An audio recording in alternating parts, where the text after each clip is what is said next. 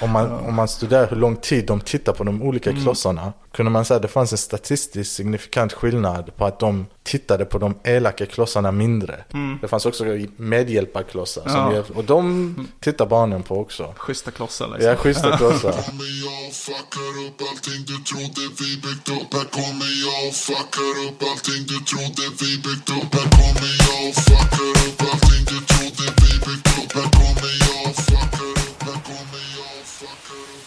Välkommen Farshid Jalavan till Om och Men Podcast. Tack. Vad kul. Ja, kul att ha dig här äntligen. Vi har ju försökt få igenom det här länge. Ja. Ni väntade på ljudboken. Ja, exakt. Eh, vi eh, tänkte att vi skulle vänta tills eh, din utmärkta bok Apan och filosofen kom ut på ljudbok så att vi kunde lyssna på den också. Ja. Men sen tror jag att det slutade med att vi båda läste den istället. Fysiska ja. Ja, Så- toppen. Den är bättre så tror jag. Ja, det vet jag inte. Eh, det var du som läste in den, förstod jag. Ja, precis. Så ni kan föreställa er hur... Ja, Det jag hörde var- ett sommarprat, jag tyckte det var utmärkt. Ja, men tack. Ja. Tack, jag uppskattar det. Tack. Ja, men jag tänker att många vet nog vem du är redan. Men Mm. jag tänker att jag kan ge en liten eh, eh, introduktion. Mm. Du är mikrobiolog, kulturskribent för Sydsvenskan bland annat. Stämmer. Eh, och ehm, slog väl igenom lite under coronapandemin, skrev om vaccinfrågor och så här. Precis. Saker som var på allas läppar under pandemiåren. Ja, det Mm. stämmer. Eh, Och vi har då läst din bok Apan och filosofen. Evolutionära svar på filosofiska frågor. Yes. Som kom ut 2022 på Fritanke förlag. Mm. Tänkte bara börja med att fråga, hur kom du på titeln? Eh, så detta är lite... så jag, min kompis Olof Åkerlund som var gemensamma bekant Just det. och producent på Opsi P1. Han är en nära vän till mig. Jag brukar diskutera saker med honom hela tiden. Och eh, då, jag tror jag, jag sa, jag, jag funderar på titeln på boken och, och, och tänker mig kanske apan och filosofin. Och då sa han nej, apan och filosofen. Okej, det var bättre. Det var, för, för den prologen, eh, när jag skrev den så döpte jag den till apan och filosofin. Typ hur, hur människan som en art eh, kom in i det filosofiska tänkandet och så. Men sen så, så tyckte jag det här dualis, dualismen med apan och filosofen som egentligen är någon sorts monism, det är samma sak. Att det var, det var spännande. Sen så vill jag ha en, en korrekt undertitel som var Vad evolutionsvetenskapen kan berätta om centrala idéhistoriska frågor. och då sa min förläggare, ingen kommer... du måste ha en kortare undertitel. Så då, då kortar vi ner den till typ eh, evolutionära svar på filosofiska frågor. Mm. Ja men snappy ändå, Mm. absolut. Mm. Men det är kul eh, med dig Farshid, jag har ju verkligen följt eh, dig de senaste åren här. Och eh, vi har ju lite samma bakgrund. Mm. Ja, precis. Mikrobiolog och medicinare och liksom båda är intresserade av filosofi. Så att jag tycker det, det som är nice med dina texter är liksom att ett perspektiv som är väldigt ovanligt Mm. ändå. Så här. Naturvetare som är intresserade av filosofi, Ja. tyvärr. Jag tänkte också det när du, när jag och du eh, pratar, att du kanske är en av eh, få som är medialt aktiv i Sverige som eh, har samma, samma, vad ska man säga, samma bredd och intressen som jag har. Men både, för ibland när man pratar om idéhistoria så faller den naturvetenskapliga idéhistorien utanför Mm. paraplyn liksom. När man pratar om idéhistoria så på något sätt så begränsar man det eh, till eh, det humanistiska. Mm. Men jag menar evolutionsteorin är idéhistoria. Eh, genetik är idéhistoria. Att vi vet hur gener och sånt funkar. Allt detta för mig är en del av idéhistorien. Mm. Men av mänsklighetens idéhistoria så ehm, jag försöker då eh, tänka hela tiden att idéhistorien är bredare än bara det humanistiska. Ja, exakt. Och Ja. naturvetenskapen ingår där. Verkligen. Ja, det är lite sjukt att det typ inte, för man pratar ju så mycket om så här vikten av bildning och så här. Det är många, framförallt högerdebattörer, som pratar om så här, det måste vara mer bildning i Sverige, det är det som ska rädda samhället.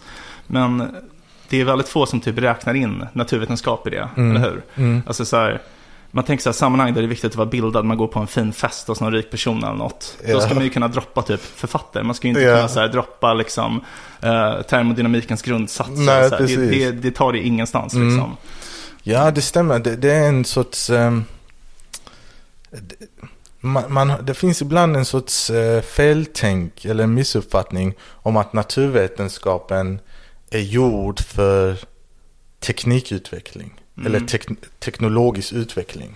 Att man tar reda på saker inom naturvetenskap för att kunna få coola raketer som vi kan skjuta till månen eller Ja. nya datorer eller och så vidare. Men en, en central del, alla som jobbar inom naturvetenskap och varit eh, aktiva inom grundforskning vet ju att en central del av naturvetenskapen går ut på, går ut på att svara på grundläggande frågor.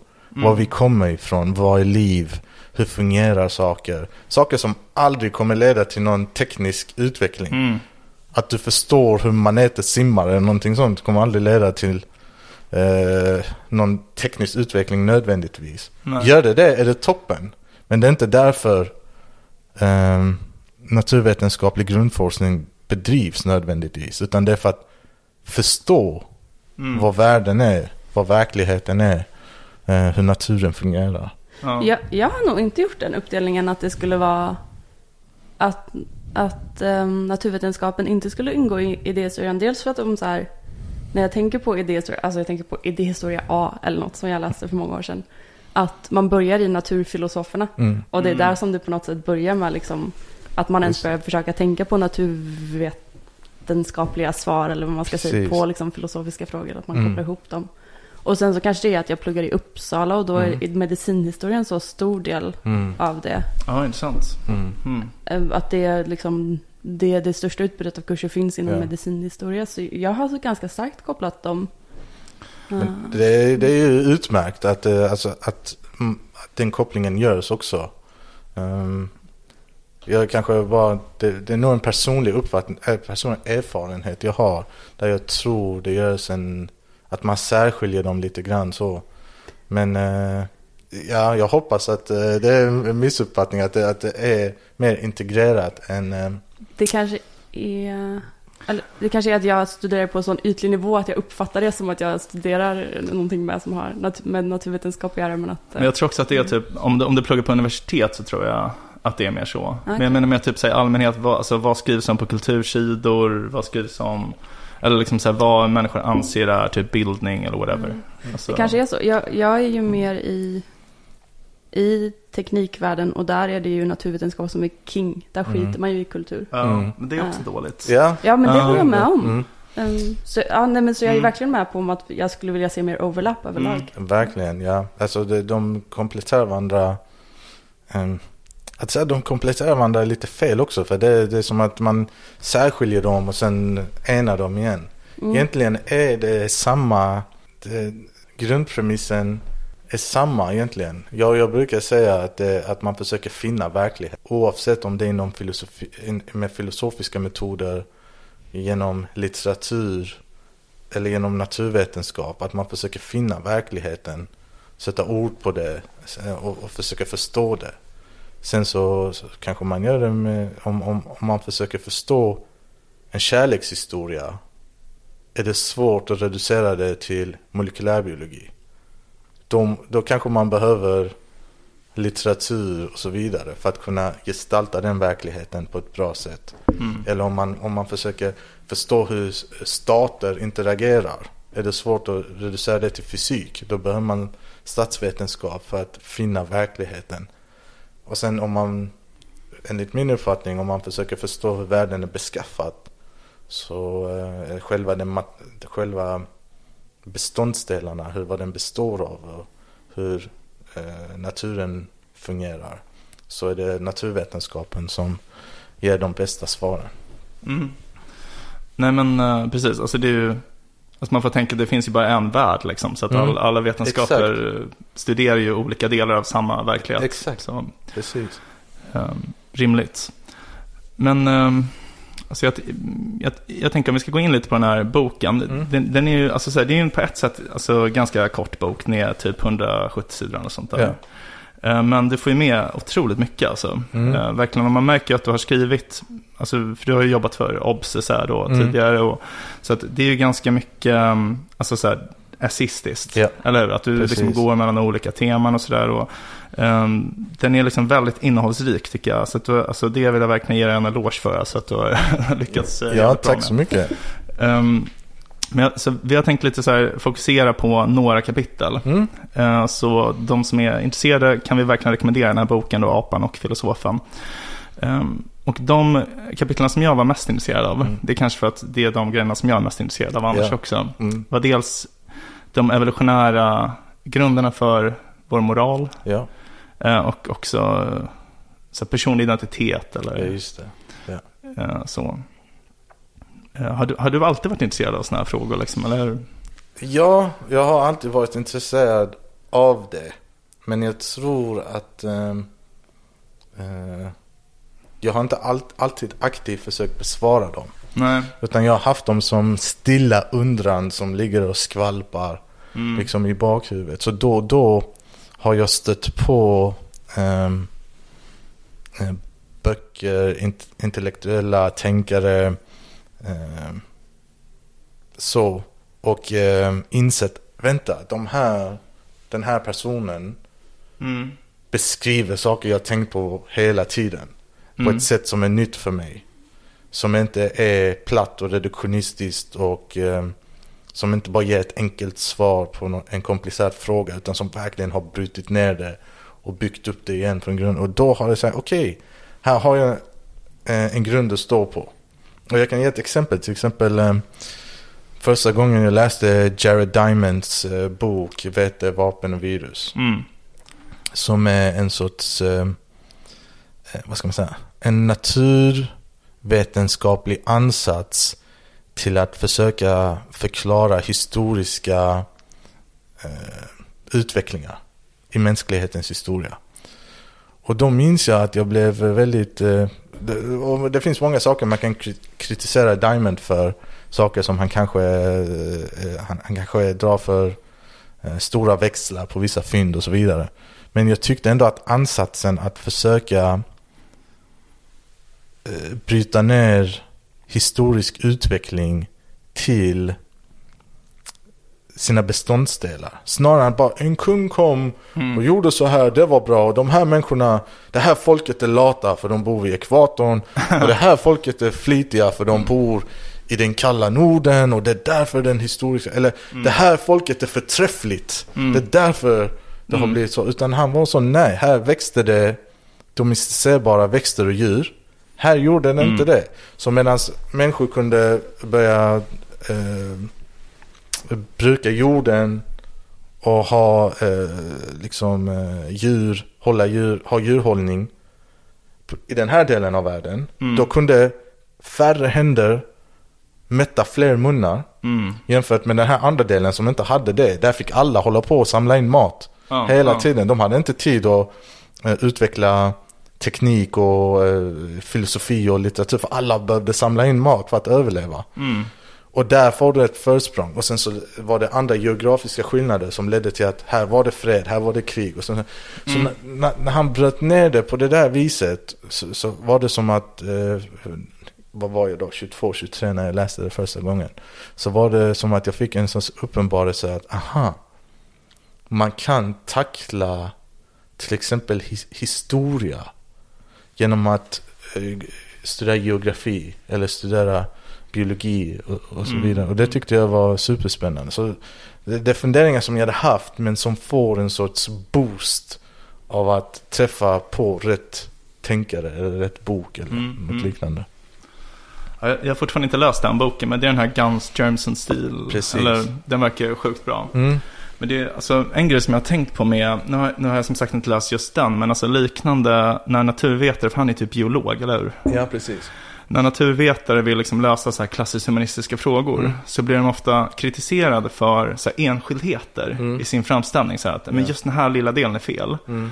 Och då är det som att man har liksom en annan standard för Mm. naturvetenskapliga förklaringar. Att Mm. om du inte har bevisat allting så bortom varje upptänkligt tvivel Ja. så är allt bara fel. Ja. Men om det är typ någon humanist som skriver någon lång essä där de, som du beskriver typ så här, ja nej men det är att de är vid ekvatorn, de är lata så här. Då är alla bara så här, ja men allt kanske inte är rätt, men helheten. Ja. Så man är mycket mer så här lack standard Ja. för, Det kan vara att man är, alltså det, det är ju en hel del, eh, vi människor är präglade väldigt mycket av prestige och hur eh, vi är måna om vår, ja, rykte och prestige och så vidare. Och har man då byggt upp ett helt arbetsliv på en sorts tänkande mm, och sen kommer någon helt utifrån och säger att Ha, jag har alla svaren som du inte har tänkt ut på hela din arbetsliv. Jag, jag, har, jag förklarat allting. Haha. Då kan man känna sig liksom hotad och kanske eh, börja angripa. Det var samma sak, alltså i, i boken så tar jag upp det här med knappologi. mm, det var, det var ja. lite s- samma sak som hände med Strindberg. Mm, Att han var, han jobbade på Kungliga biblioteket och fick för sig att han skulle skriva en historia över, han skulle skriva en bok över Sveriges historia. mm, Från början till slut liksom, Mm. det, där han var. Och då blev de riktiga, de akademiska histori eh, historikerna, mm, blev arga. För vem fan är du att komma in här i vårt fält och försöka, Ja. detta är vår, vi är liksom riktiga forskare, akademiker, vi jobbar med detta hela tiden. Ja. Kommer lilla du utifrån. Och de bara såga mm, allt han hade skrivit. mm, För de, han, han var lite slarvig så det innehöll Mm. små sakfel som de hittade. Och pekade ut och liksom sågade hans bok. mm, Men kanske att han, han- han, han hade säkert jättebra poänger i den boken Säkert. som gick förlorad på grund av de här prestigegrejerna som finns. Och mm, mm, eh, lite territorievaktning eller vad man ska säga som, som ingår i, i intellektuella värden ändå. ja. Kan, Dessvärre. kan det inte ha att göra med också bara att så här, um, ja, men naturvetenskap kan vi ge svar på. Eller att där går det att få svar på ett annat sätt än det gör inom humaniora eller så. Mm. Och att man då har en mycket snällare, tolk, snällare tolkningsglasögon eller någonting.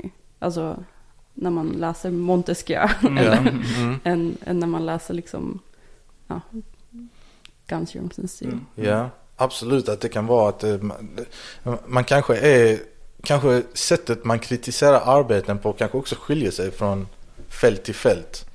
Att man är van vid en, vid en sorts input och en viss sorts output. Och när, när något är väldigt icke-kanon, kan, vad ska man säga, kanonisk.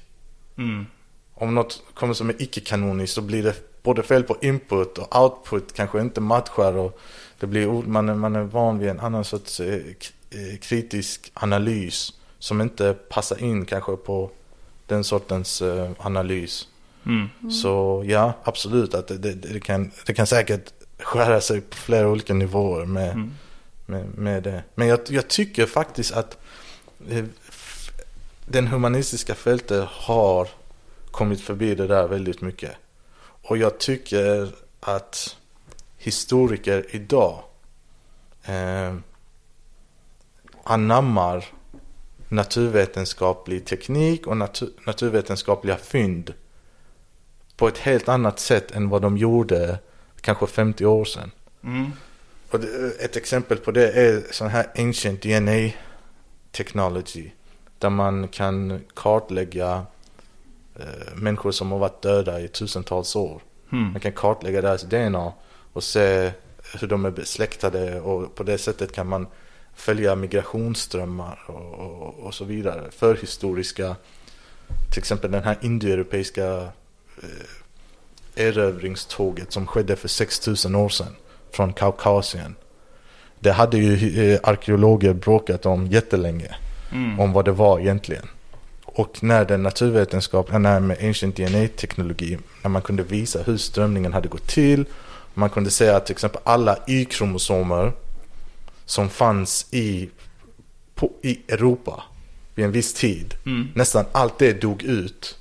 Mm. Och ett par hundra år ersattes av helt nya Y-kromosomer. Ah, intressant. Ja, så kunde man se att de har liksom ett nytt folk som, eh, kvinnornas eh, X-kromosomer var kvar. Ja, ja. Så kvinnorna dödade dem, alltså kvinnorna behöll dem. Men de kommer in, dödade alla män och tog Ah. över. och på det sättet så hjälper det den historiska forskningen. Så, och historiker idag är inte kritiska till den sortens eh, eh, data. Mm. Jag tänker också att ehm, big data hjälper till. För, eller, för det finns ju till och med så här humaniora, humaniora datadrivna humaniora-program nu för tiden. Alltså att man kan göra mer forskning med för att man har så extremt mycket tillgång till big data. Mm. Mm. Va, ehm, jag, jag kommer att tänka på en, en grej jag erfor i, i vintras. Mm. Som Mm. var, ehm, jag, var ju, jag bodde på ett kollektiv på ett slott ett tag. Eh, Bara så, droppar i förbifarten. as- as you do. så, men då, då var det en som um, arrangerade ett, ehm, eh, en sorts så här, eh, konferens Mm. för eh, eh, om- som skulle utforska spiritualism och vetenskap. Okej. Eh, så då var det så här typ 50-50, 50 per- alltså 50% galningar som trodde på astrologi, Ja. typ, alltså, och 50% så här astrofysiker. Mm. Ehm, och det var, alltså jag tyckte det var eh, ganska jobbigt för att man var tvungen att snacka med de här galningarna ganska Mm. ofta. Mm. Alltså typ att man så här, Och det var typ så här healers med kristaller och sånt eller? ja men precis lite Ja. så. Mm. Och, och, och som sagt att man så här satt och bara, de bara, nej men läs den här boken, den förklarar liksom naturvetenskapligt varför astrologi är sant. Man bara, mm. Ja. Okej. Eh, Mm. Och så satt liksom en astrofysiker där och typ, alltså du vet när man ser Ja. någon go crazy typ. Um, att det, det, det var ganska så här, um, jag tror att jag har tänkt att ja, men man kan ju så här finna någon sorts, jag vet inte, spiritu- spirituell tillfredsställelse i, i vetenskap tänker jag nog mer så här, Mm. att det, det är så häftigt att det är så här byggs från bottom up liksom, att det är Ja. slumpen som har liksom skapat oss och allt Mm. sånt. Mm. Um, där tappar jag nog lite hoppet om att mötas på något sätt, men, men vad, Men det är verkligen extremer också. Ja, Ja. jo, men där är det. Men har du någon erfarenhet av det här? Alltså hur, hur ser du på den kopplingen? Ehm, så jag tror, jag- jag tror det är lite olika grupper här som vi pratar. Alltså, innan så var det att eh, till exempel akademiska historiker inte tyckte om naturvetare som försökte komma in på deras fält. Det- närmaste de kom, kom kanske var att de anammade C14-tekniken. Mm. Men eh, även det, men det var så, ah, vi arkeologer vi kan känna igen eh, lerskärvor eh, och, och ser att den här lerskärvan kommer från en annan kultur, bla bla, och ni fattar ingenting om sånt här, ni bara ni sitter med era siffror och fattar inget om livet. Eh, d- den eh, motsättningen tror jag har, har sjunkit väldigt mycket. Sen så finns det en sorts mer, i samhället i stort, så finns det olika grupperingar där um, människor har fundamentalt olika livsåskådningar. Där uh, vissa tror på magi och även om de inte kanske skulle kalla det magi men det är olika former av magiska trollkonster och så vidare som de tror på på riktigt. Och om man ibland är det svårt att överbrygga någon sorts eh, den klyftan som finns mellan en naturvetare som behöver ha en mekanism och en sorts empiri för att tro på en sak. Och någon som kan föreställa sig en massa grejer i att oj, nu blir jag bestrålad av jordenergi som är, eller jord, eh, vad kallar de det? Ja, jordstrålning som är helande. Och en naturvetare hade kanske frågat, men vilken frekvens har det? Och de kan de tycka att man är från, vad menar du vilken frekvens har det? Det är jordstrålning som helar mig. Mm. Och, och, och, och den, den eh, klyftan är svår för naturvetaren också. Att försöka anamma den sortens tänkande. Att försöka förstå den. Man behöver inte, man behöver inte anamma fel ord. Att bara försöka förstå den kan vara svårt för en naturvetare. Att, att sätta sig i, i platsen för den här personen och säga okej, men jag kan fatta hur du kanske tror att jordstrålning finns. Det, det, det är många naturvetare som inte kan. Och då är det liksom, Mm. eller andra också ja. Ja, för känslan är ju typ att det är som att man har olika byggklossar när man, som du sa, det så här vill förstå verkligheten eller, eller så. Mm. Och att man som ja, men Exakt, naturvetare har de här precis. byggklossarna och så, inte, som den här. eh, Exakt så. Ja, Att man jobbar med helt liksom olika material, vad man ska säga. mm, Olika verktyg, olika byggklossar för att försöka finna verkligheten. mm, Och eh, om man är van vid en sorts eh, naturvetenskaplig mekanistisk tänk så har man det så, som ett krav för att acceptera någonting som en del av verkligheten. Okej, om du tror på att om du tror på astrologi och tror på att om du är född i kräftans eh, stjärntecken så påverkar det dina person, personlighetsdrag. Det är en hypotes man kan ha. Men då får du förklara för mig om vi då utgår från, som vi har bevis för, att eh, personlighetsdrag eh, är kodade neurologiskt. Så måste du på något sätt förklara för mig hur eh, stjärnhimlen påverkar den neurologiska massan i din hjärna när du föddes. Så att du fick just vissa drag. Om du kan göra det för mig så kan jag köpa det. Mm. Om du inte kan göra det så låter det som magi. Eller som hokus pokus. Eller som eh, något som inte händer på riktigt. Mm. Och det, den där... Eh, det, det, det är svårt att liksom eh, försona de två bilderna. De två världs, eh, eh, livsåskådningarna. Det, det, det är inte alltid det går liksom. Eller kanske aldrig. Nej. Nej men verkligen. Alltså jag, jag tänker att alltså det, det, är, det är lite ett problem att de flesta som vill bygga så här stora system som ska förklara mycket liksom eh, inte har den här naturvetenskapliga kompetensen, eller hur? Att det är mer sådana här personer som tror på typ astrologi eller i bästa fall kanske humanistiska forskare eller sådär. Och jag tror att det beror lite på den här höga standarden man har på naturvetenskapsmän. Att alltså, naturvetare skräms bort från att göra så här, liksom, modiga gissningar eller Mm. whatever. Typ Mm. så här stora eh, förklarande system. Och, alltså, dels tror jag att det är det, men sen tror jag också att folk som dras till det, som har det här liksom, eh, eh, örnperspektivet Mm. liksom, och vill, eh, alltså, intresserade av många olika saker, vill förklara typ hela historien, eller så här som han, Jerry Diamond, då. Mm. de kanske tyvärr väljer nog inte naturvetenskap Mm. längre. Alltså Mm. de väljer nog att plugga något annat liksom.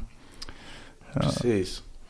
Eh, Nu har det blivit liksom eh, mer och mer populärt känner jag. Och det, det kanske, vi kanske har uh, turned the corner. Uh, känner ni till Frank Pan? Den här, eh, Ja, Sidenvägen. eh, precis. ja, inte läst men. Ja. Mm, jag vet inte. Jättekänd uh, Oxford-historiker. jag tror han är från Oxford. Eh, en snygging också. Eh, Ja, wow, han har allt. Ja, han har allt. Jag är snygg, Examen, liksom, ja, Ja. professor, eh, historiker, bästsäljande författare, Ja, ja, ja. lång. Men eh, han har, ett, nu har jag inte läst den här nya boken, jag läser i den vägen. Men den här nya, han har utkommit nu med en bok.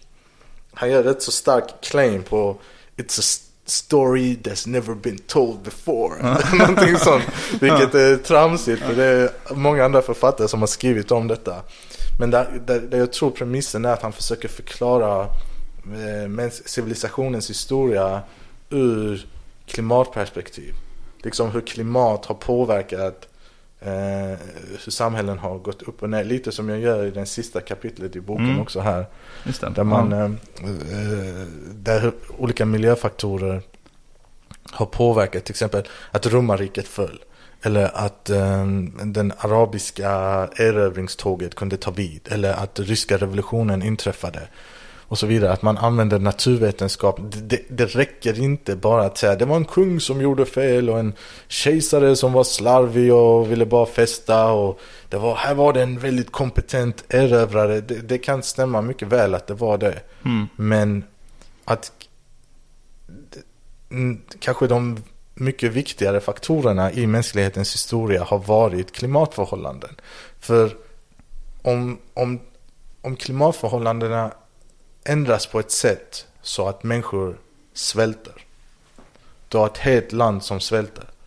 Eh, kungen kan inte göra någonting åt det där om Nej. det inte finns mat. För att solen inte skiner. Mm. På grund av vulkanutbrott. Solen har inte skinit på fem år. Vi har inga skördar. Det är ingen mat. Alla svälter. Det orsakar politisk oro. Och det orsakar eh, turbulens och eh, revolutioner.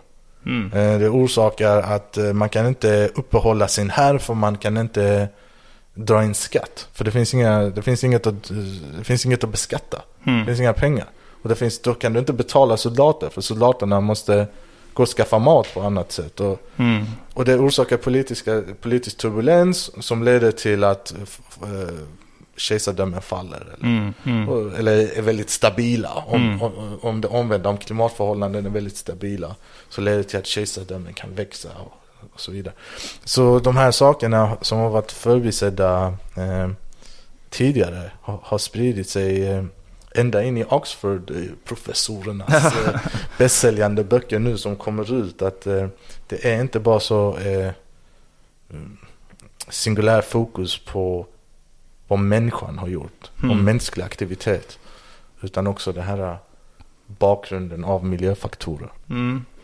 Så kungens personlighet kan liksom inte avhjälpa massvält och Nej. Nej, rimligt. Hur kompetent ledaren än är. Så, Mm, det finns liksom en materiell grund som inte går Ja. att rubba genom en persons in, ingripande. Då. exakt. No, men eh, alltså jag, jag tänkte också mycket när jag läste din eh, bok då, Farshid, att alltså man kanske ska lära ut mer liksom, litteratur, klassisk bildning på naturvetenskapliga utbildningar. Ja, Eller hur? helt enig. Ja, Mm. för du utgår ju från liksom, de stora litterära klassikerna Mm. i, i den här boken. Mm. Alltså, bland annat då i ditt eh, kapitel om eh, moralens evolutionära grund så utgår ju från Brott och straff, Mm. eller Dostojevskijs um, roman som handlar om en juridikstudent som mördar en pantlånerska. Precis. Eh, och ehm, du uh, ja, men, gör det lite oväntade fyndet. Mm. Att eh, förklaringen till att han eh, mår som han mår efter det här mordet, han Mm. får skuldkänslor, Mm.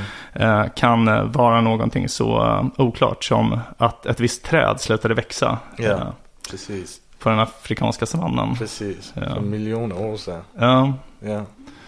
för det är, liksom, eh, det är verkligen en typ av förklaring som man aldrig hade tänkt sig i typ Nej. litteraturforskning. Eller, Nej, ja. precis. Där, där hade man kanske psyk- psykologiserat eh, Raskolnikov, eh, den här studenten då, och sagt att han upplever att hans överjag har eh, svikits av eh, detet. Det är någon sorts freudiansk eh, Ja. tolkning eller vad det, vad det kan vara. Att man har eh, olika sorters, eh, och vilket är naturligtvis helt okej. Stora litterära verk ska leda till tolkningar. Det är det som är en del av deras storhet. Och jag tror anledningen till att det går att tolka saker som eh, Dostojevskijs eh, Brott och straff från naturvetenskaplig perspektiv och från en freudiansk perspektiv är för att de, de, enligt mig, de stora konstverken träffar på något allmänmänskligt och beskriver det där eh, allmänmänskliga på väldigt kompetent sätt. Alltså de finner verkligheten i sin eh, roman. Och när de har funnit verkligheten, det, då, då, då, jag som uppväxt i Sverige, i Malmö, eh, en naturvetare, Mm. kan sitta och läsa vad någon skrev i Sankt Petersburg för 200 år sedan, eller vad det var, 150 år sedan. Och känna igen Mm. allting. Och förstå hur den här personen kände sig och vad den gick igenom. Mm. Och det är på grund av att de här stora verken träffar på allmänmänskliga saker som de, de är så... Eh, de har ett sånt öga för det att de fångar det här som annars är svårt att fånga i ord, svårt att sätta ord på, svårt att gestalta. Men de gestaltar det och när de väl har gestaltat det och lägger ut det för världen, när man läser det så säger man ja men detta överensstämmer Mm. med saker jag har sett och mina erfarenheter. Och då kan man börja tolka det. Man kan tolka det från ett religiöst perspektiv. Man kan tolka det från naturvetenskapligt perspektiv. Och i och med att- att han beskriver skulden och skuldens inverkan och skuldens um, hur skuldkänslor uh, förtär den här personen. Och i och med att skulden är en allmänmänsklig eh, instinkt så kan jag också då ta mig rätten Mm. och tolka det från en evolutionär perspektiv om hur skulden har utvecklats, hur, hur instinkten för sk- skuld kom till. Mm. Då kan jag använda Dostojevskij för att, eh, för att eh, eh, som en lins för att Mm. eh, kasta, kasta liksom ett ljus på, på, på den evolutionära utvecklingen av, Mm, av mm. skuld och andra mänskliga instinkter. Ja. Ja, det är ganska sjukt när man tänker på det. Att man kan bli så indragen i en roman. Så att under tiden man läser i varje fall känns det nästan ännu mer verkligt än ens eget liv. Liksom. Ja, det, är, verkligen. det är egentligen, tycker jag, den sjukaste teknologin vi har. Liksom, Ja. Vårt språk. Mm. Det är som verkligen tankeöverföring. Ja, Eh, nästan obehagligt när man tänker på det. Det Dostojevskij påverkar oss fortfarande. Liksom. verkligen. Eh, Men i det här kapitlet då, eh, som jag verkligen kan rekommendera så går det ju igenom um, alltså de evolutionära grunderna för moralen då. Som, Du får ju rätta mig om jag har fel här. Men ehm, det går igenom liksom eh, lite olika moraliska skolor, dygdetik, deontologi, konsekventialism och, och även olika teorier om alltså, hur man får, eh, alltså hur man formar moraliska omdömen. Precis. Eller hur? Alltså är det liksom Exakt. typ genom vårt förnuft Mm. eller är det genom våra känslor? Precis. Ehm, och förstår jag det rätt om du landar liksom lite mer i känsloläget då? Här, sentimentalism som det kallas. Ehm, lite grann. Jag tror... eh, jag tror alla som tror att mor, mo, mänsklig moral är helt och hållet en förnuftig konstruktion. Eller en social konstruktion. Eh, har helt och hållet fel. Mm. Jag tror att eh, mänsklig moral utgår i grunden från moraliska instinkter och moraliska känslor. Sen så är det inte det enda eh, som finns. När vi, har, när vi ställs inför ett moraliskt dilemma så är det inte bara en instinktiv reaktion. Även om en instinktiv reaktion alldeles säkert kommer ske. Mm. Men sen så finns det olika lager ovanpå det där. Eh, förutom våra eh, instinkter så finns det våra erfarenheter, lojaliteter, förnuft eh, och andra saker som påverkar. Så för mig, så som jag betraktar när ett moraliskt input-output, liksom när en moraliskt dilemma, när vi ställs inför ett moraliskt dilemma så åker det som en pingpong mellan våra olika, ibland motstridiga instinkter och tankar och så. så och kommer ut då i ett beteende. Mm. Efter att ha åkt pingpong genom massa olika grejer. Mm. Så jag tror att eh, m- absolut att vi har moraliska känslor och instinkter. Och sen, men jag tror inte att, eh, att förnuftet inte finns. Alltså att, Mm. att man kan, förnuftet också påverka det där och kanske till och med kan i vissa fall eh, få oss att bortse från våra moraliska känslor. Mm. Så att man kan liksom komma förbi sina första instinkter då. Precis. Och det är väl också lite det, tänker jag, som är, alltså, typ, jag vet inte om man ska kalla det moralisk utveckling eller något. Alltså, alltså samhället blir mer moraliskt, att Mm. man inte förtrycker minoriteter i samma Precis. utsträckning som för hundra år sedan. Och så. Inte ha slavar. Exakt, ja. Mm. för att ta ett eh, bra exempel. Ehm, jag tänkte också när jag läste att det finns ju, alltså det, det finns ju vissa fall där man tänker så här, ja men det här var omoraliskt, men man har inte så starka känslor kring det. Mm. Alltså typ saker som hände för länge sedan. Ja. Alltså att det var, jag vet, jag vet inte vem det var, men det var någon um, romersk kejsare som dödade sin mamma. Eller som lät döda sin mamma. Och när man hör det så är man ju så här, ja det var ju fel, han borde inte ha dödat sin mamma, eller hur? Men man känner ju inte så mycket för det. Det är Nej. inte som att man blir så arg eller något. För det är Nej. så himla länge sedan. Nej, precis. Men Mm. Om du hade sett en film om det Ja. så hade du blivit jätteupprörd. På grund Sant. av det hade aktiverat alla dina moraliska instinkter igen. Mm. Eh, men absolut att eh, när, när man har en sorts distans till det. eh, en historisk distans, en tidsdistans, en geografisk distans. Allt det gör att de moraliska känslorna mattas av Mm. på olika sätt. Något som händer i ens omedelbara närhet påverkar en mer än något som händer långt borta eller långt eh, tillbaks i tiden. Och det är någonting som eh, man kan tycka vad man vill om men det är som en, en empirisk sanning att det är på det viset. Mm. Mm. Så ja, Mm. Ja, men den här eh, evolutionspsykologen som du stöder dig åtminstone i viss Mm. utsträckning på i det här Mm. kapitlet. Då, heter han Michael Tomasello? precis. Han eh, verkar ha varit en väldigt insiktsfull person. Jag har Mm. faktiskt inte hört talas om honom tidigare. Eh, men han, du citerar massor av, eh, vad ska man säga, komparativa beteendestudier, Mm. eller hur? Mm. Med, med, mellan mänskliga barn och schimpanser. Mm. Eh, som jag tyckte var väldigt roliga. Mm. Eh, bland annat så vi- har man kunnat se så väldigt små barn, typ treåriga barn. Mm. De är mycket mindre benägna att vilja hjälpa skådespelare som de uppfattar som elaka. Ja, precis. Ehm, men de vill hjälpa snälla skådespelare mycket Precis. mer. Så att de har de här moraliska instinkterna redan som små barn. Då. Ja, en moralisk instinkt att när, nå- när någon har betett sig illa ska man undvika dem. Mm, mm, Det, det är någon som har begått våld mot någon annan. mm. Den personen ska man undvika. Det är något som tidigt, man ser tidigt i barn.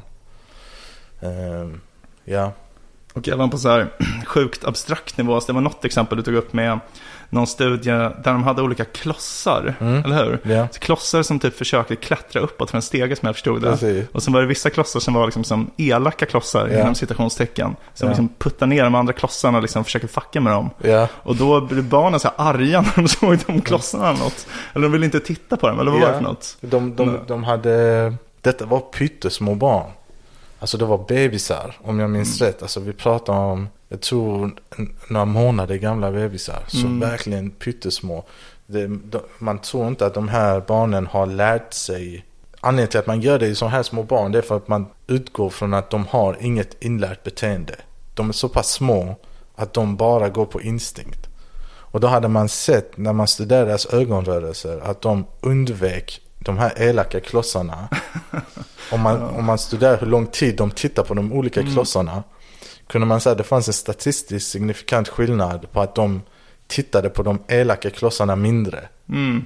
Och tittade mer på de snälla. För det fanns också klossar som hjälpte upp eh, den här klossen som försökte komma upp. Mm. Det fanns också medhjälparklossar. Som Ja. hjälp, och de tittar barnen på också. Schyssta klossar liksom. Ja, schyssta klossar. Men de elaka klossarna undvek de med blicken. Så det är någonting som man kallar för... ehm, eh, man kallar det för negativity bias eller någonting sånt. Om jag Mm. minns rätt inom evolutionspsykologin.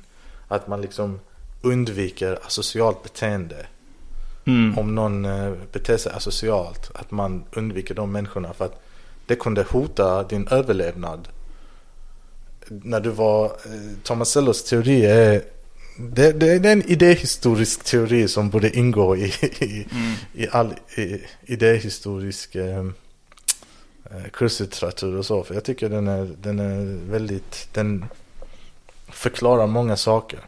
Han, han, hans teori då som kallas för Theory of Interdependence går ut på att någonstans under mäns, människans evolution så blev människor absolut beroende av varandra för sin överlevnad. På grund av att de inte kunde skaffa mat själva längre. För när de bodde där i Afrika söder om Sahara så vanligtvis så fanns det fruktträd där. Och där kunde alla människor gå och plocka sin, eh, människoapor.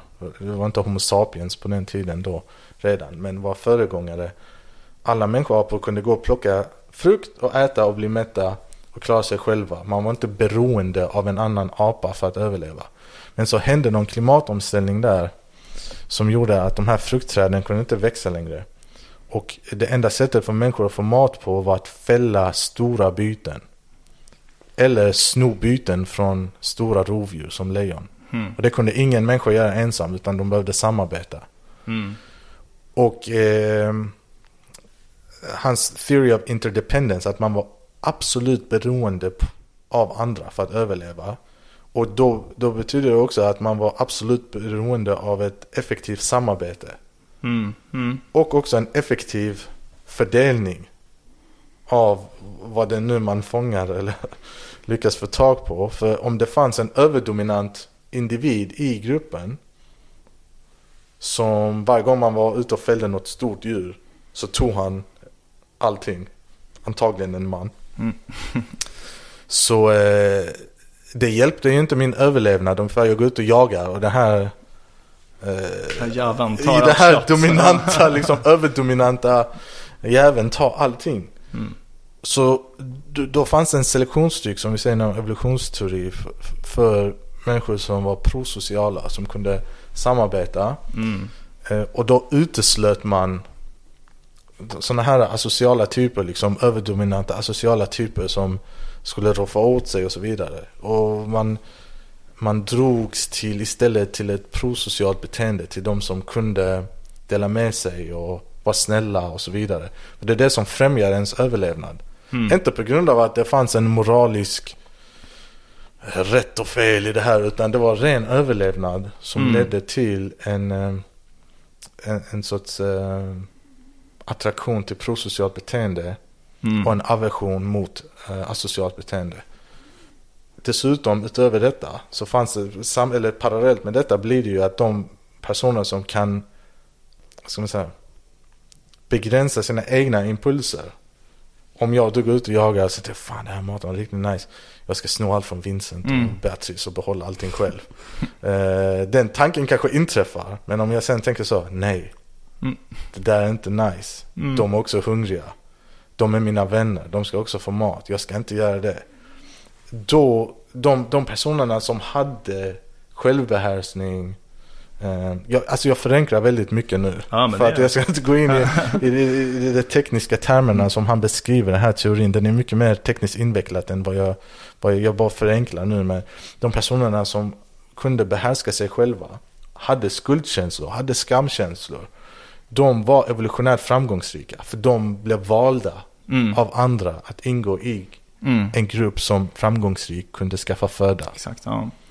Så man kan tänka typ att folk som var mer empatiska, hade mer rättvisekänsla, de blev mer attraktiva gruppmedlemmar Exakt. och fick liksom eh, mer avkomma. Exakt. Och en sak som är superintressant i det här sammanhanget som verkligen fick det och alltså, som, som gör teorin väldigt trovärdig för mig. Det är att inget av det här var förnuftigt. Mm. Så det var ingen reciprokt överenskommelse som de, de här aporna ingick i. I att eh, Beatrice, jag hjälper dig att fälla det här liksom eh, buffen. Så delar vi det rättvist. De kunde antagligen inte ens kommunicera så väl, Mm, mm. väl. Utan det var, den utgick från känslor. Ehm, att jag känner närhet och ömhet för Beatrice och Vincent. Mm. Så när jag får tag i maten så delar jag med mig till dem på grund av att jag känner ömhet och närhet till er. Och ni kände liksom likadant mot mig. Så, att, så det här reciproka eh, beteendet utgick inte från en ingått avtal, en förnuftig avtal där man har Mm. ingått så här, nu delar vi det här eh, rättvist. Utan det utgick istället från eh, en, en eh, emotionell, nästan eh, fel wiring. Mm. Att man börjar känna liksom närhet till, till andra på ett sätt som Mm. inte var eh, tidigare evolutionärt eh, gångbart. Men nu blev det. Mm. Men Mm. är det typ bara apor och människor eller är det, ser man det i flera djur det här, djur, det här samarbets... ehm, den samarbetsförmågan eller den känslan? Ehm, nu måste jag tänka efter. Jag tycker apor är ju sjukt om- omoraliska liksom. Schimpanser, de, de slåss ju bara med varandra när det är någon, något Precis. lag som vet att de kommer vinna. Det är Precis. så här Men, tio men mot en. Liksom. schimpanser var, är Mm. lite... Schimpanser, eh, så det är, de, det är de, han gör många beteendestudier i Tomasello. Och han, enligt honom så är, alltså schimpanser känner empati och så för sina närmsta. Men inte för en flock i stort. Mm. Utan eh, de eh, jagar tillsammans om det går, men för det mesta kan de skaffa föda själv. Men de bor i flock för det är lättare att skydda sig och så vidare. Men där finns det dominanta Mm. hannar som liksom eh, styr och ställer och så vidare på ett sätt som inte hade funkat i en mänsklig flock. Att någon bara tar för sig av allting och inte Mm. delar med sig. Mm. Det finns såklart djur, alltså, eh, nu är jag ingen zoolog så mm, ni får ursäkta mig att jag inte kommer på något bra svar men jag menar myror och andra sorters insekter har väldigt prosocialt beteende som är kodat i självuppoffring och, och sådana saker. Men de är ju inte eh, däggdjur eller eh, som oss som är med, med stora hjärnor. Ehm, men de här moraliska eh, känslorna det finns vissa det finns en annan eh, evolutionsforskare som heter Frans de Waal. Som också gör beteendestudier i apor.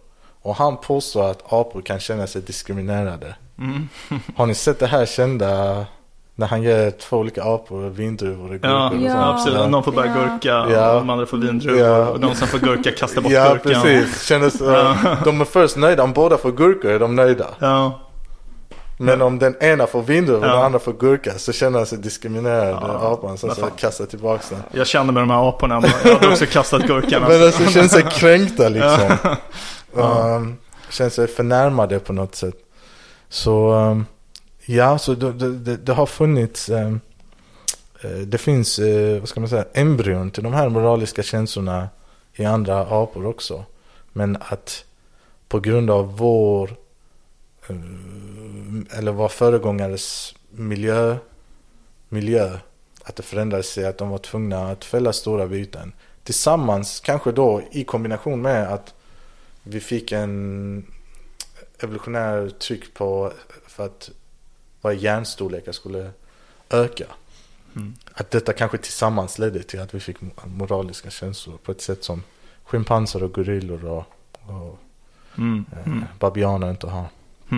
Och att det var alla de här händelserna i vår evolutionära historia som liksom förklarar Raskolnikovs känslor i eh, brottsstraff. Ja, Så. så... eh, eh, Delvis. Ja, Mm. exakt. Det, den, de här känslorna för självbehärskning eh, kom genom skuld och skam. Att Mm. man känner att man har gjort något fel. Att man kan behärska sig sen. Det fanns en selektionstryck för det. För om någon bara betedde sig illa och sket i allting. Mm. Mm. Så var det så, vi tar inte med han eller hon på nästa jakt. Nej, exakt. Det är Mm. bara ett as liksom. Ta allting, Ja. skiter i allt, honom. vår mat. Snor när vi inte ser. Ja. Varför ska vi ta med han eller hon på nästa grej? Fuck, Ja. fuck han. Fuck henne. Så ehm, eh, däremot om någon som, även om någon gjorde fel, om man sa att de skämdes. Mm. Så var det så, ja okej jag snodde lite extra honung som vi tog men fan jag är ledsen. Ja. Du vet, att man var så okej men den här personen upp, vet ändå att Mm. han eller hon har gjort något fel. Mm. Så det fanns, för det här prosociala beteendet det har funnits ett selektionstryck. Sen så, har det, så finns det kvar oss, jag tror extremt många primitiva känslor finns kvar i oss idag. Som vi inte alls tänker på så mycket. Eh, som vi antingen att det är att man är typ, man inte ser skogen för, man ser inte träden för? Man ser inte skogen för alla träd. Att man är så inne i det att man inte ens reflekterar över de här primitiva känslorna som präglar vår, vår vardag och vårt beteende varje minut. Mm. Ehm, men absolut att de här skuld och skamkänslor, för det är ingenting som är förnuftigt. Att man får skuld och skam. Det är en, det är en, det är en reaktion som kommer automatiskt av sig själv. Jag vet inte om ni någonsin har känt att ni har gjort något skämmigt. Ja. Men, men eh, det är ingenting som man kan stoppa. Det är Nej. ingenting man kan förnuftigt eh, sätta stopp för. Så, Alltså man kan inte säga till sig själv, nej du borde inte skämmas för att Mm. Det här var ändå, det kunde ha hänt vem som helst. Alltså det Mm. går inte. Eller om Mm. man känner att man har gjort något, eh, om man har gjort någon illa Mm. och får sk- skuldkänslor. Eh, det kommer av sig själv. Det är ingenting som man aktivt går och tänker så. Du borde känna dig dum för Mm. att du gjorde detta. Mm. Så du borde känna dig dålig. Utan Nej. det finns där. Och för mig är det, det är en sorts instinkt som, det, för mig är det väldigt tydligt att det är en instinkt som finns i oss. Och om det är en instinkt som finns i oss så måste det ha uppkommit evolutionärt. Om det har uppkommit evolutionärt så måste någon gång under evolutionär, eh, evolutionens roll ha haft en nytta. Mm. I och med att Mm. den finns hos oss men inte hos våra Mm. grannarter liksom. Ja, men in- intressant det där med att alltså, skuld och skam inte är rationellt och att det inte går att tänka bort. Alltså, jag tänker att det är mycket det som leder till att så här, traditionellt de botemedlen som har funnits mot typ skam har varit irrationella, eller hur? Det är så här bikt, eh, benbön, det finns någon annan extremt mäktig person i Mm. himlen som förlåter dig och om någon annan inte håller med om att du är förlåten så är det deras problem. Typ. Mm. Det, det är superintressant det här du säger för det, det, det, det är som att man, man lägger på det här prosociala spelet. Man, man gör en skådespel av det. Mm. Så om, om man utgår då från evolutionärt har det varit fördelaktigt att uppvisa skam och skuld. Mm. Eh, för att det kunde leda till att du togs in i gruppen igen. Ja. Om du hade betett dig illa. Då kunde alla säga, men ser ni inte att han eller hon skäms? Mm. Eh, Mm. Han eller hon ångrar sig. han eller hon kommer inte göra om det igen. Mm, mm. Vi tar in det i gruppen igen. Och när man väl har kommit in i gruppen igen, då har inte skam och skuld någon Funktion eh, längre. funktion längre. Nej, nej. Och då är det som det här med bikt och så. Att man, gör, man återskapar det där Mm. med imaginära eh, Termer eller whatever. karaktärer. Ja, ja. Någon, någon högre har förlåtit dig. Du har sagt vad du har gjort, du har uppvisat skam och skuld. Du har blivit förlåten. Du kan återupptas i flocken. Mm. Och då har det liksom gjort sin funktion och då kan det släppa att man har biktat Mm. sig, gjort det och så vidare. Och så vidare.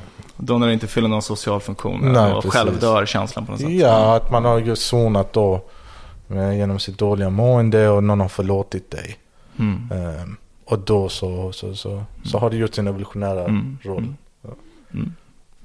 Mm. Ja, det är en bra förklaring. Men men alltså, en, en, en grej jag tänkte mycket på när jag läste det här kapitlet.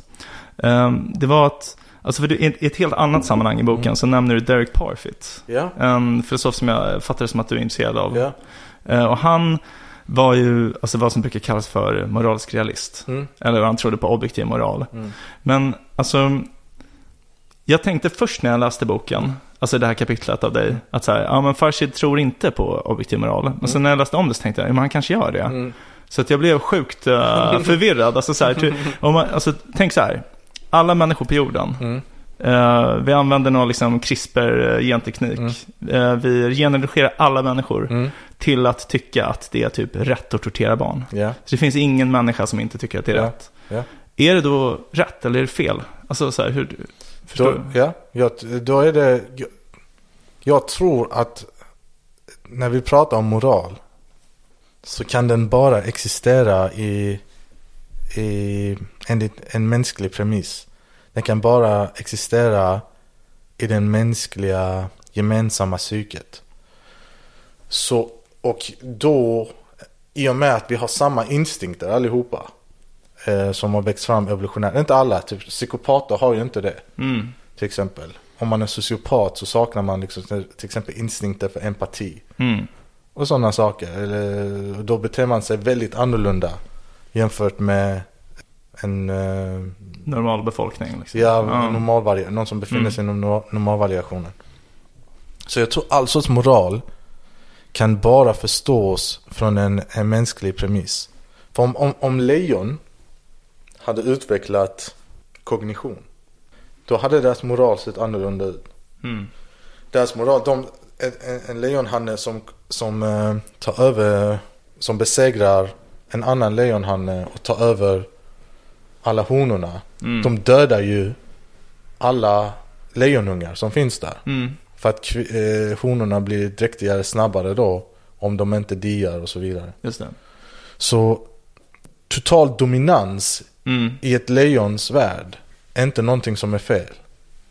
Att dominera den starkas rätt Mm. och så vidare. Mm.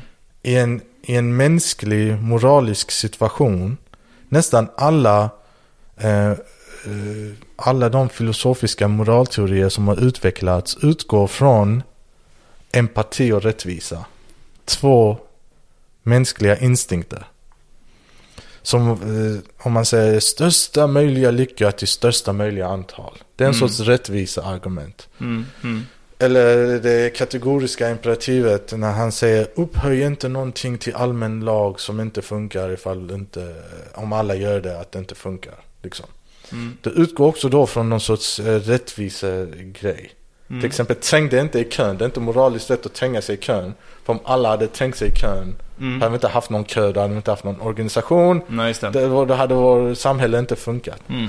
Så nästan alla sorters mänsklig, eh, mänsklig moralfilosofi utgår från rättvisa, medlidande eller att någonting ska fungera, eh, att det ska göra så att samhället går runt. Mm. Mm. Till och med de här nya filosoferna som long, term, eh, long termism och Mm. De här utgår från vad kan vi göra så det främjar så många som möjligt. Ja, ja. Ett lejon hade inte tänkt så. Nej. Ett lejon är så, jag ska dominera individen, den starka har rätt. Om någon kommer döda mig Mm.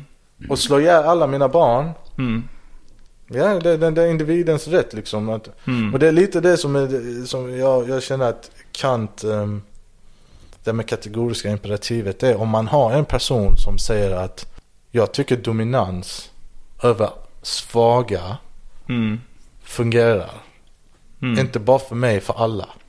Om alla bara dominerar de svaga, den starkas rätt. Alltså fascism. Mm. Mm.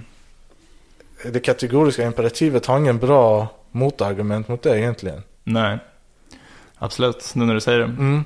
Så, så, så för mig är det att det, den mänskliga moralen utgår från mänskliga instinkter och därför är det på riktigt. Alltså Mm. den, den finns på riktigt, vi tror på rättvisa, medlidande, olika varianter av det och vad som funkar för att samhället ska gå runt.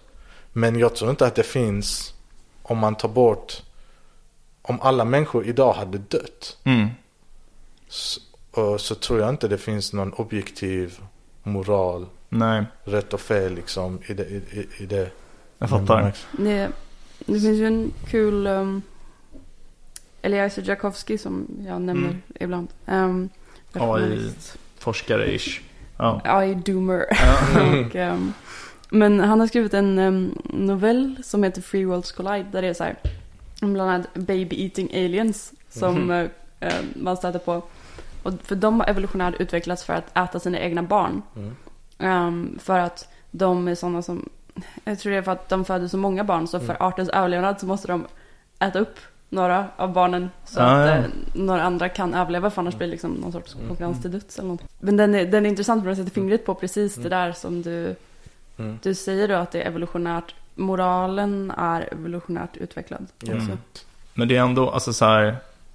Så att du tänker mer liksom att moralen är inuti människor mer. Ja. För att jag tänker om man typ eh, genmodifierade alla människor till att tro att jorden var platt, alltså, den skulle ju ändå vara rund, eller hur? Ja, precis. Men så är det ju inte på samma sätt med moralen då. Nej, liksom. Nej. precis.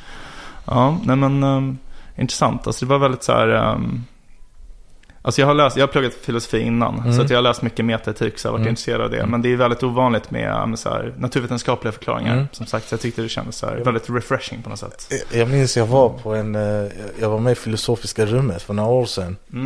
Och tog upp detta med en tjej som var doktorand eh, inom moralfilosofi. Ja, Eh, på Lunds universitet. Var det minns, Signa eller?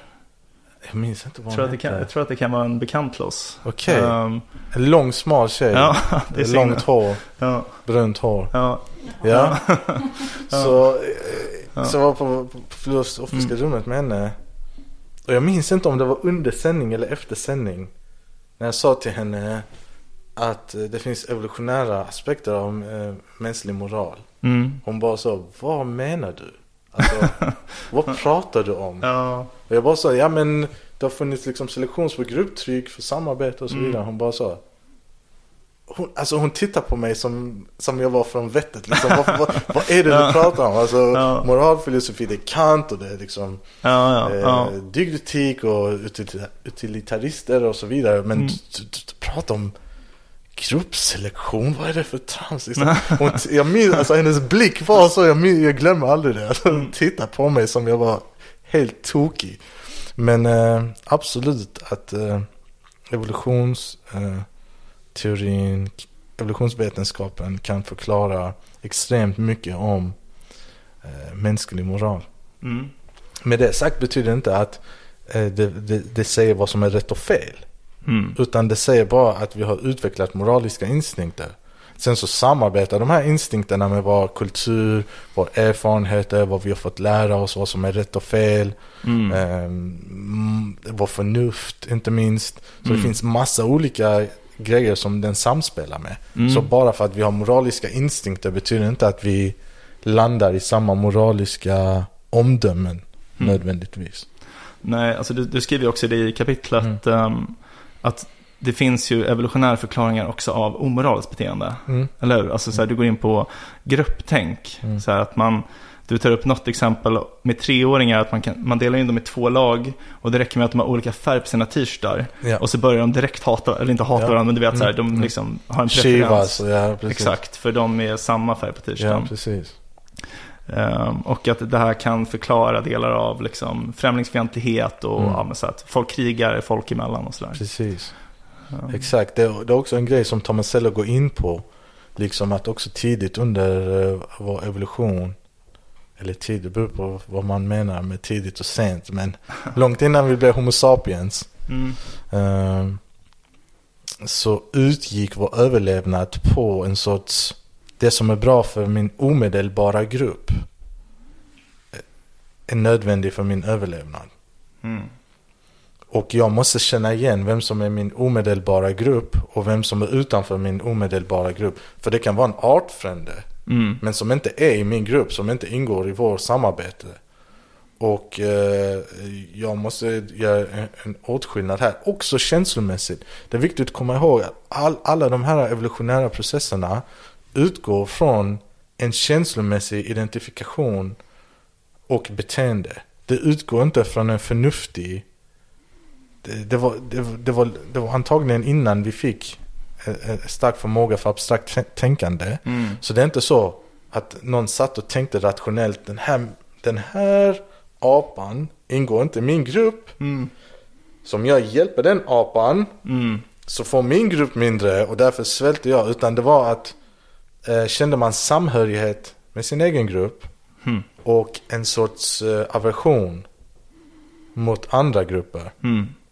Så var det bra för överlevnad. Mm. Exakt. Ja. Mm. Och det där, alltså typ just att det är irrationellt, jag tycker det lever kvar mycket fortfarande. Alltså jag vet inte om ni känner igen, men när man är typ ute och reser i här andra delar av världen Mm. och så träffar man någon svensk ute, mm. så tänker man så här, fan han äger ju, han är så jävla nice. Och- och det är inte bara för att det är lättare att prata med honom, utan man tänker så här, han är så snäll, han är så omtänksam, han har alltid så bra saker att säga. Mm. Och sen typ ses man hemma och man bara, nej, du suger liksom. Det Ja. är jättetråkigt. Ja. Det var ju bara att du var den enda som var som jag där. Ja, typ. precis. Ja, Um, exakt. Alltså jag märkte ju att när jag var när jag var yngre, som jag märkte någon gång eh, att jag, jag, jag kategoriserar människor extremt mycket. Mm. Typ, eh, jag vill veta vad folk... Alltså har någon någonsin kört förbi er på ett, på ett eh, liksom olämpligt sätt? Och jag fick alltid sån stark driv att köra om bara för att se hur personen såg ut. Och sen tänkte jag så, varför har jag så stark driv av att se hur personen ser ut? Och sen kom jag på, aha, min hjärna försöker b- kategorisera.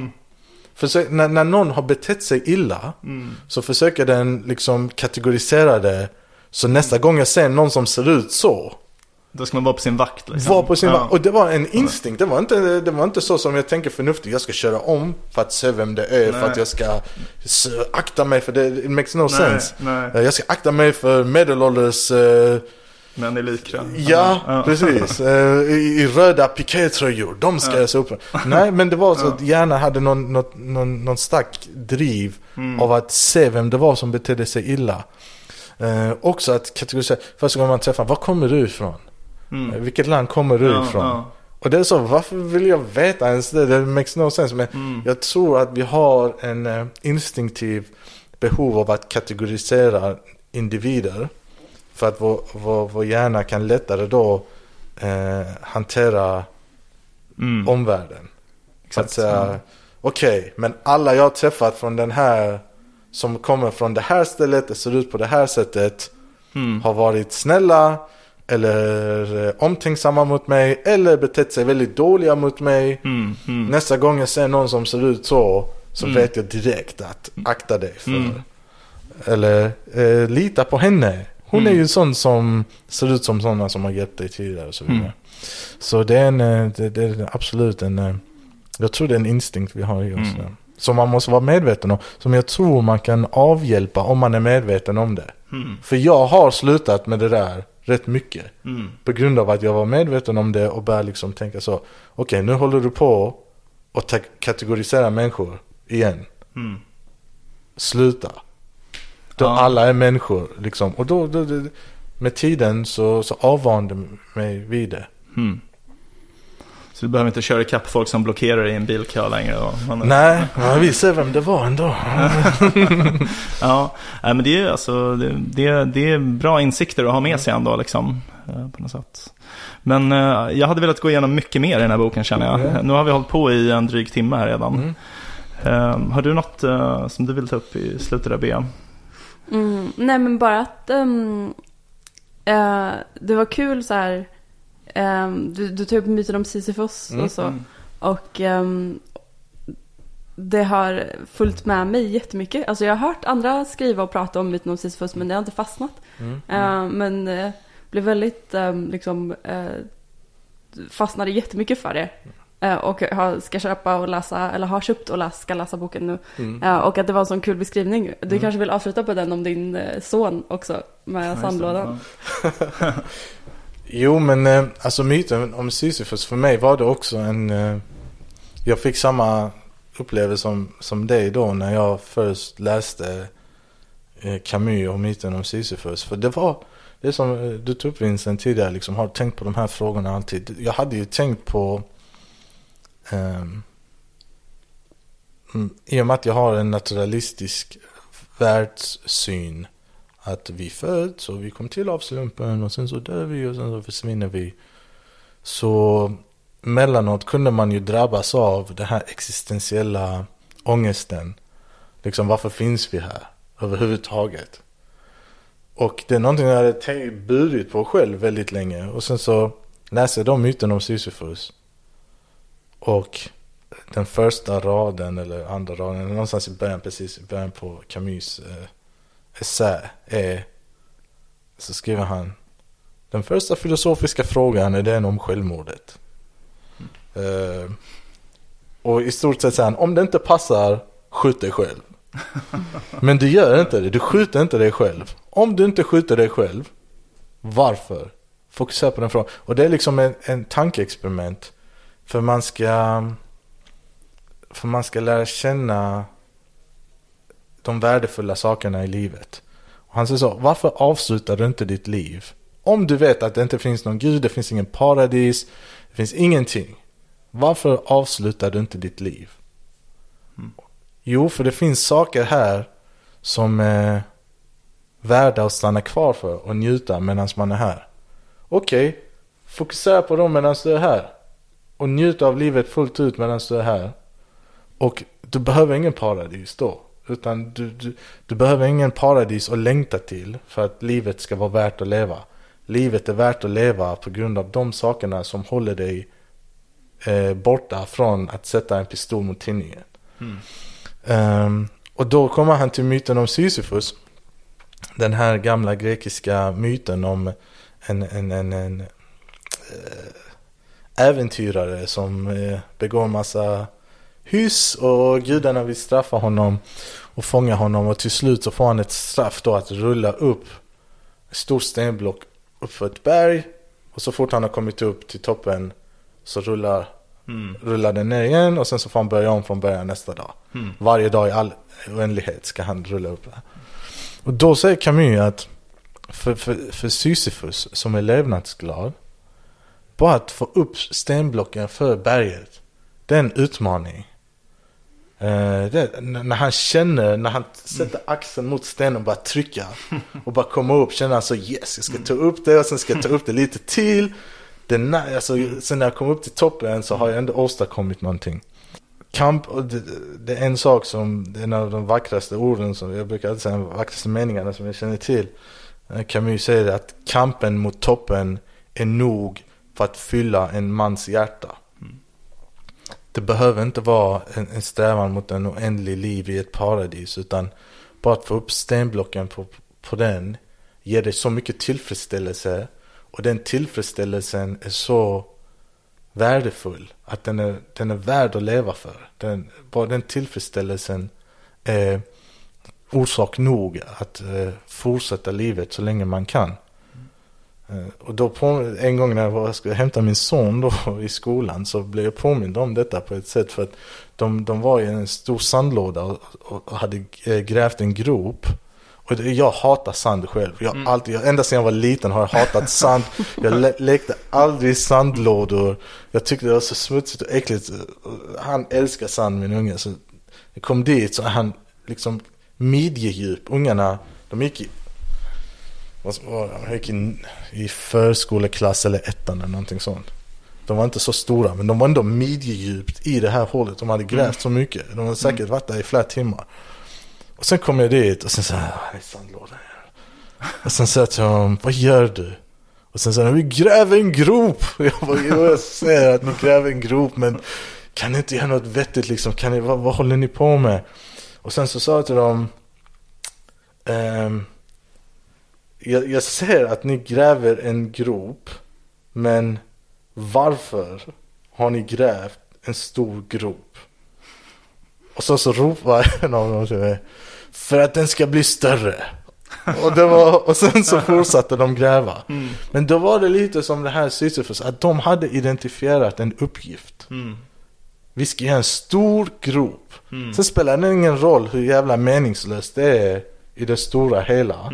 För i den stunden så gav det dem mening och det gav dem eh, tillfredsställelse och en känsla av att ha uppnått ett mål.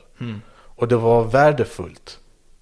Och eh, det tyckte jag var vackert liksom att eh, ehm, de, här, eh, de här små pojkarna, de ägnar sig åt det där. Och ibland så, så förlorar vi, känner jag, jag är jättemycket så, en, en sån person själv, att man förlorar sig i eh, eh, vardagen och i livet med tanke på allt man vill åstadkomma, eh, saker man vill göra och saker man, man känner att åh, mitt värde är en prestation och så vidare. Men att, att eh, finna eh, värdet i den där tillfredsställelsen av att åstadkomma ett mål eller uppnå ett mål som man har satt upp för sig själv. Mm. Och eh, göra färdig en uppgift och eh, det behöver inte vara världens största grej men så länge man har, man har bestämt sig för att jag ska göra detta. Jag ska rulla upp stenblocken för berget. Och när man kommer till toppen så här, jag gjorde det. Den där tillfredsställelsen är, har ett stort värde i sig. Mm. Och det tyckte jag var väldigt, jag, jag blev väldigt eh, tagen av, av, av eh, Camus. Myten av Sisyfos och den här insikten och den här, eh, ja. Mm. Farshid Jalavand, tack för att du har varit med om och men podcast. ja, tack själva. Mm. Komma tillbaks. Absolut. Det var en riktig filosofiska rummet edition. Upp